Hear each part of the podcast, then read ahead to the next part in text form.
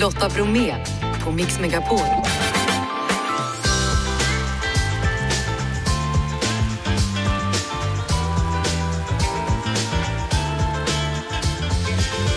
Hallå där och varmt välkommen in till oss och en sprillans ny vecka. Om ungefär 20 minuter då ska det ungerska parlamentet rösta om Sverige och NATO. Självklart så håller vi koll på det historiska i detta.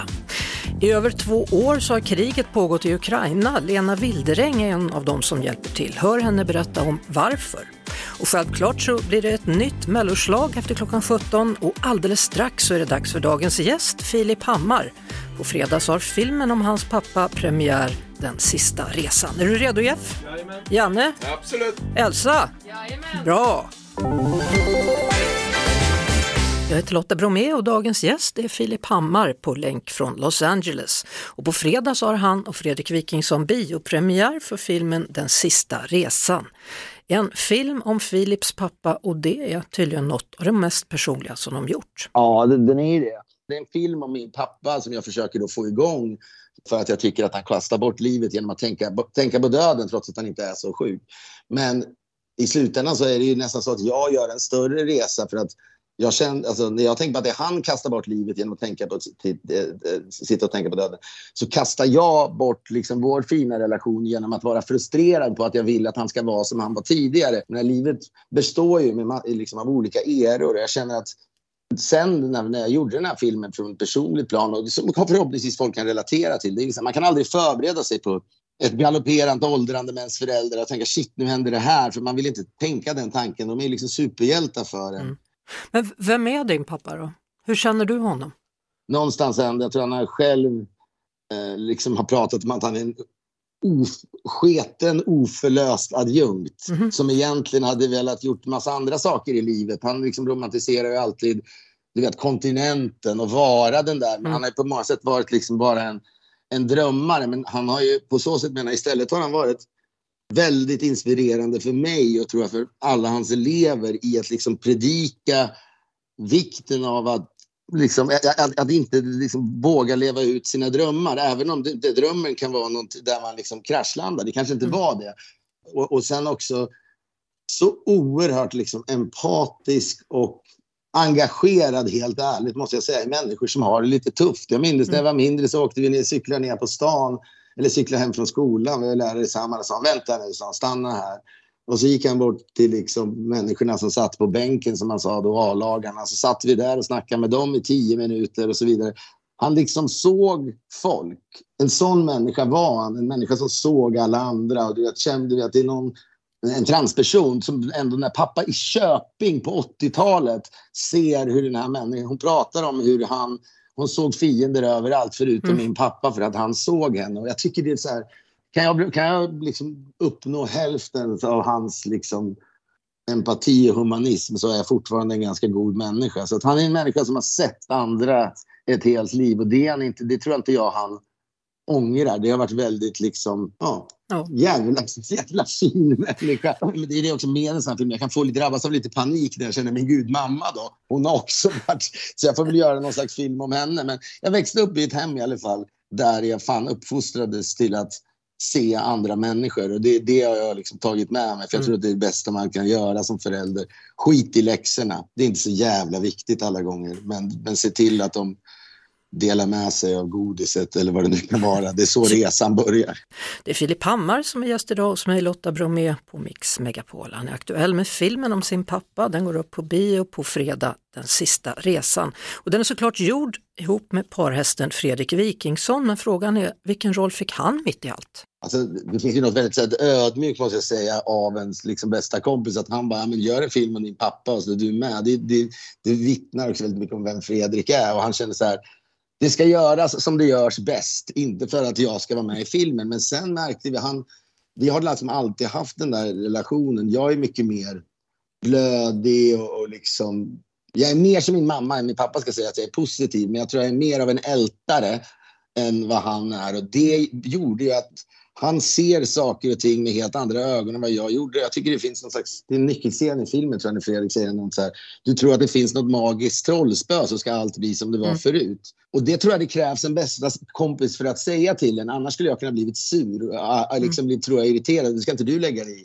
Så på det sättet blev ju Fredrik, liksom, han var ju en katalysator. Alltså jag tycker det, det är bra med kompisar för de kan tippa en över kanten så att man gör mm. någonting på ett annorlunda sätt. Och jag och Fredrik är ju liksom så här, helt sammanväxta på så sätt. Alltså vi har ju gjort allt. Är det någonting vi inte är, eller är det, åtminstone är det någonting han inte är, rädd, rädd för så är det att säga vad han tycker ska sägas.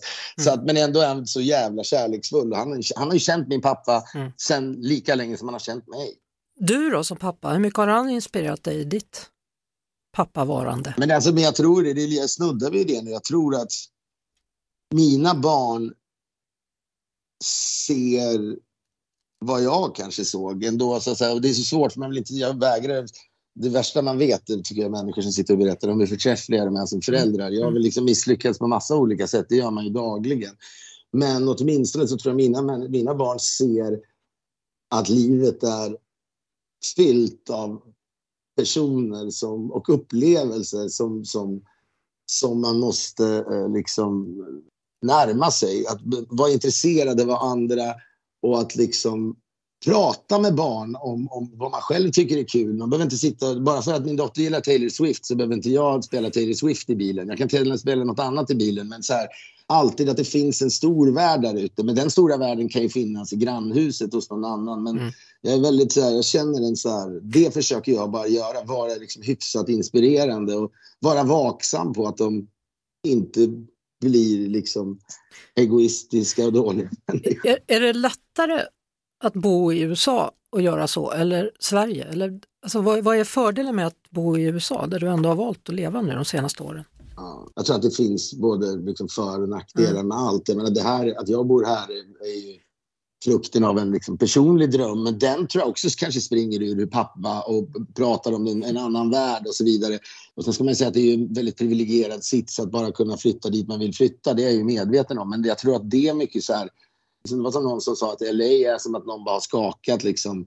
Sånt där liksom kaleidoskop och så bara hällt ut i öknen. För det är liksom fortfarande jag är helt förundrad över hur liksom stan liksom ut, överraskar mig hela tiden. Och då tänker jag det gör nog också barnen överraskas också av LA. Att man bara, just det, där finns en sån grej. Och det tycker jag att när hela världen, när man lever närmare in på hela världen så tror jag att livet blir lite roligare.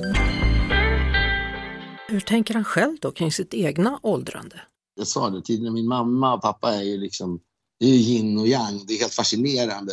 Medan pappas mamma tvättade hans kläder hela vägen upp till att han gick. Du vet, medan min mamma kom som krigsbarn från Estland och blev helt lämnad. Av, så hon har varit en sån jävla överlevare hela tiden. Och så när hon fick problem med ögat för några år sedan så minns jag att hon sa så här.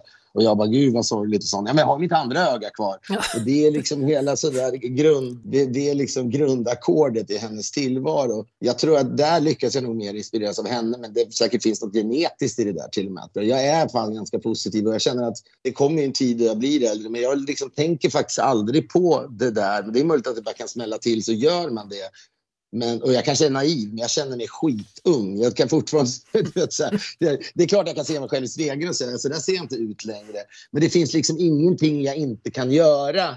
Och jag tror jag vet, jag har också lärt mig en liten läxa av pappa, att sitta och tänka för mycket på sitt åldrande. Jag tror alltså helt klart att det har en effekt även på det fysiska. Och det, det är liksom, mm. Jag börjar tro lite mer på sån affirmation. Det känns inte så jävla sektigt, så det känns okej. Okay. Men jag tror att ta, berätta för sig själv ibland att man har ganska bra liv. Ja, det jag... hjälper faktiskt. Tänk, alla har vi väl de här liksom pissiga dagarna mm. då man vaknar.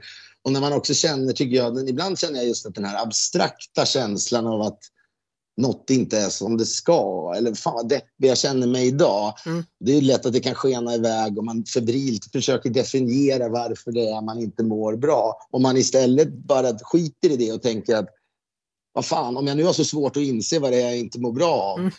då är det nog inte så farligt. Och här har jag det här livet som är bra. Så jag, jag, jobbar på det, men sen har man ju också det där. Det är, liksom, det är vad, vad det är. Liksom. Men ibland är man ju helt bara värdelös men, som människa. Men det, sådana dagar har man också tror jag. Premiär första mars då? Hur, hur, Ja, det- känner, hur känner du inför Nej, premiären? det där är alltid helt det är fruktansvärt. Vi har haft så kul och nu ska det ut. Det, det, det är det skräckinjagande. eller? Ja, men så här, vad fan ska folk tycka om det man gör? Det, det är liksom jobbigt, tycker jag, med eh, sånt där att ja, men, att göra folk besvikna eller som har varit med i projektet. Liksom. Och sen tror jag alltid jag... För jag menar, det finns hela tiden en fallhöjd och det är så jävla tråkigt. Men det är därför både jag och Fredrik är så oerhört osentimentala kring våra pro- projekt. Efter den första mars går vi vidare i livet och vi tittar inte bakåt. Jag är lite så här, det är första gången i mitt liv så är jag lite så här, jag är inte orolig. Men jag är, jag är ännu inte bekant med vilka känslor som kommer liksom Nej. bubbla upp när jag ser det här. Men det är, det är för många sätt är det så ofattbart att den ska det är ju surrealistiskt liksom, att min lilla pappa där ska projiceras upp och även mamma på en stor duk och så ska folk sitta där. Det är ju... Så det är väl också för deras skull känner jag. Jag hoppas verkligen att folk kommer tycka om den. Jag vill inte att de ska känna att varför gjorde vi det här? Det hade varit, det hade varit Mm. fruktansvärt. Men jag, jag, vi får fingers crossed. Stort tack för att du ville vara med i mitt program. Du, tack själv och eh, vi syns kanske alla mot alla vad det lider. Lotta Bromé på Mix Megapol. 16 maj 2022, då bestämde Sveriges regering att Sverige skulle gå med i NATO. Sen hölls det första toppmötet och på plats där då Expressens Niklas Svensson. Och du har varit med längs hela resan. Ja, Trodde du har det. någonsin att vi skulle uppleva denna dag?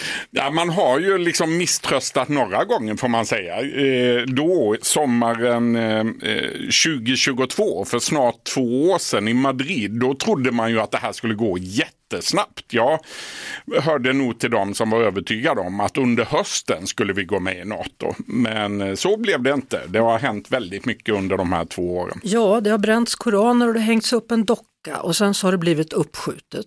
Och Mm. så blev det ett nytt möte i Vilnius och då rapporterade du hos oss och sa att ja, nu ska det vara på gång här. Ja, med vissa reservationer vill jag tillägga. eh, inte ens eh, då blev det klart. Eh, trots att allting verkade vara klart när vi åkte hem ifrån Vilnius så kom det nya käppar i hjulet. Eh, inte minst ifrån Erdogan men också ifrån Viktor Orbán. Vår producent Jeff Neumann han har suttit och räknat rubriker här och kommit fram till att den vanligaste rubriken är Sverige nära NATO de senaste två åren. Ja, Ja. och det ligger nog en del i det. Ja. Och vad händer nu då? Nu har man samlat sig då i det eh, ungerska parlamentet. Ja, och nu pågår det en omröstning vad vi tror eh, och alldeles snart så har vi väl resultatet ifrån den omröstningen. Och eh, eh, då ska de ju rösta ja, det råder det inga tvivel om egentligen. För Viktor Orbán har ju uppmanat sina partikamrater att rösta ja och då blir det så.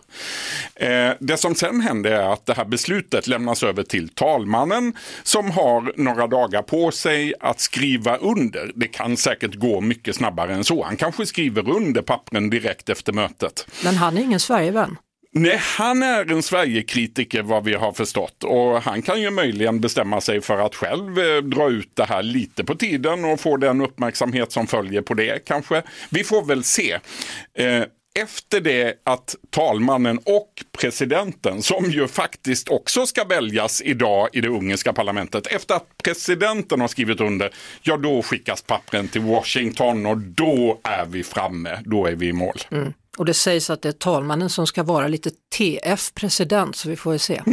Ja. Ja. Niklas Svensson, Expressen, sitt kvar med oss en stund så får vi säga när det historiska beslutet har fattats. Det gör jag. Lotta Bromé och den perfekta mixen på Mix Megapol. Niklas Svensson, Expressen, finns med oss. Detta Mm. är en historisk dag. Ja, nu har vi fått beskedet ifrån parlamentet i Budapest. De har röstat ja till Sveriges NATO-ansökan. Mm, och det fanns tydligen sex personer i alla fall som vågade rösta emot. Ja, tydligen. Ja. Trots att Viktor Orbán var så tydlig med att nu skulle det godkännas så var det sex. Men, men nu är det klart. Ja, och sen så ska man även då där tydligen eh, rösta om den nya presidenten och det tror du då alltså kan bli TF då, själva talmannen. Ska vi lyssna på hur det lät i det ungerska parlamentet Ja, när detta hände? Határozunk. Kérdezem a tisztelt országgyűlést, elfogadja-e a T per 638-as számú törvényjavaslatot? Kérem, szavazzanak! Kimondom Nu ska de rösta om határozatot. 188 ja och 6 nej. Det var ganska övertygande ändå, då. 188 ja, 6 nej. Ja, det får man säga, men gud vilken tid det har tagit. Ja. Och om du får rätt då, då blir det den 4 april som den svenska flaggan hissas. Jajamän, eh, när NATO firar sitt 75-årsjubileum, då tror jag att man hissar flaggan. Tack för att du var med hos oss, Expressens Niklas Svensson, denna historiska dag. Tack. Du lyssnar på Lotta Bromé på Mix Megapol. Lena Wildereng är äventyrare och brandman utsedd av Expressen till en av årets kvinnor 2023 och skriver nu om, om de livsöden som hon mött vid fronten i Ukraina. Välkommen till Mix Megapol. Tusen tack Lotta. Hur känner du en dag som denna när det har gått två år av detta invasionskrig? Ja, hur känner man sig? Man blir förbannad. Hur kan det fortgå idag, alltså 2024, i Europa? Varför har det hållit på i hela två år? Berätta vad du gjorde när du nåddes av nyheterna om invasionen. Ja, jag var ju hemma i min trygga, mjuka, varma säng. Det måste vara någon slags fake news. Men det visade sig ganska snart att det inte var det. Och då kände jag att nu måste jag agera på något sätt. Jag kan inte bara stanna hemma och göra ingenting. Varför kände du så starkt? För du sa till och med upp dig. Jag är född och uppvuxen i Ryssland. Jag kom till Sverige när jag var 13. Och jag har ju både släkt och vänner i Ukraina. De flesta eh, i Ukraina har släkt och vänner, eller hade släkt och vänner i Ryssland och vice versa. Eh, men nu när det fullskaliga ockupationskriget började så det är många som har sagt upp vänskap eller bekantskap med, eh, med sitt och sina i det andra landet. Du bestämmer i alla fall för att säga upp dig från ditt jobb och börja köra då ambulanser till Ukrainas krigsfront. Jag samlar ihop pengar, jag köper ambulanser, brandbilar eh, och andra fordon som behövs. Och så fyller jag dem med den humanitära hjälpen som behövs för tillfället just nu. Och så kör jag ner dem till Ukraina och överlämnar direkt till mottagarna så att jag vet att de hamnar rätt. Så vilka människor är det du träffar vid fronten? Jag har träffat väldigt många människor, väldigt många livsöden. De behöver verkligen ges en röst. Jag har träffat brandmän, jag har träffat eh, stridssjukvårdare, jag har träffat vanliga civila personer som kanske bor kvar i Kiev eller bor kvar i Charkiv eller bor kvar i frontnära områden. Samtidigt då ett, ett land i krig och som har varit det i två år. Hur, hur mycket finns kvar? Ja, det är en jättebra fråga. Väldigt många som jag pratar med tror att så fort man korsar gränsen till Ukraina så möts man liksom av total misär och helt förstörda ställen och städer och orter. Och det är liksom kulor som viner så fort man har korsat gränsen. Men så är det inte. Det finns all slags service, det finns infrastruktur, det finns restauranger och märkesbutiker och allt. Så folk liksom lever precis som du och jag. Man vill ju inte bara överleva, man vill ju leva. Dagens gäst i vår förra timme det var Filip Hammar som berättade om nya filmen Den sista resan om sin pappa, en film som har premiär på fredag. Och hans nyfikenhet, Filips nyfikenhet på människor verkar vara bestående. Alltså det när, när, when all is said and done, när man ligger där, tiden räknas ner lite fortare, då tror jag ändå att det jag kommer värdesätta mest i mitt liv är mötena med människor, vare sig de finns inom familjen eller om de utspelar sig i en tv-studio eller privat eller när vi har filmat någonting. Så det, det är oöverträffat, tycker jag, känslan av att världen är så, så färggrann, att det finns så mycket. Att, att bara få prata med folk, ja, det, är fan, det, det är min drog. Om det finns någon drog så, så, så är det det. Lotta Bromé på Mix Megapol. För en stund sedan så hörde ni Lena Wildereng som skrivit Solroseffekten, en bok om att hjälpa krigets Ukraina. Och hon berättade ju då att det handlar inte bara om att överleva utan man vill ju leva också i Ukraina. Men det kan det vara svårt att göra om man nu bor nära fronten det mesta av landet det, det har en ganska hög standard. Men om man kommer nära fronten, ungefär en timme från fronten, då är det misär. Då är det orter som är jämnare med marken, då är det artillerianfall, då är det folk som dör på löpande band. Där är det fruktansvärt. Hur var det då första gången du kom till fronten och såg allt det här? Vad kände du? Ja, det är, det är svårt att sätta ord på känslan. Det är en sak att se det i tidningarna och i Youtube-klipp. Det är en helt annan eh, sak att uppleva det på riktigt, i verkligheten. Hur många gånger har du gråtit över det du får se och vara med om? Ja, det var många gånger kan jag säga. Det är mest efteråt som känslorna kommer. När jag är på plats så, eftersom jag jobbar som brandman så blir det ju väldigt yrkesfokuserat. Jag ser ju det med eh, räddningstjänstögon. Och sen så finns det en till aspekt. Jag har ju valt att åka dit. Jag kan vända när som helst. Men folk som bor där, de, kan ju inte, de har ju ingenstans att fly. Vad ska de göra? Så nog har jag gråtit, men det är mest för ukrainarnas skull. För de som inte har ett val. Hur skulle du beskriva de här två åren? Um, I de här två åren så har jag levt och andats krig. Jag har knappt varit hemma. Uh, jag har haft fokus på att försöka hjälpa. Och jag har testat att hjälpa på olika sätt och sedan så har jag sett på resultat. Men sen samtidigt så började tankarna komma kring varför? Varför gör jag det här?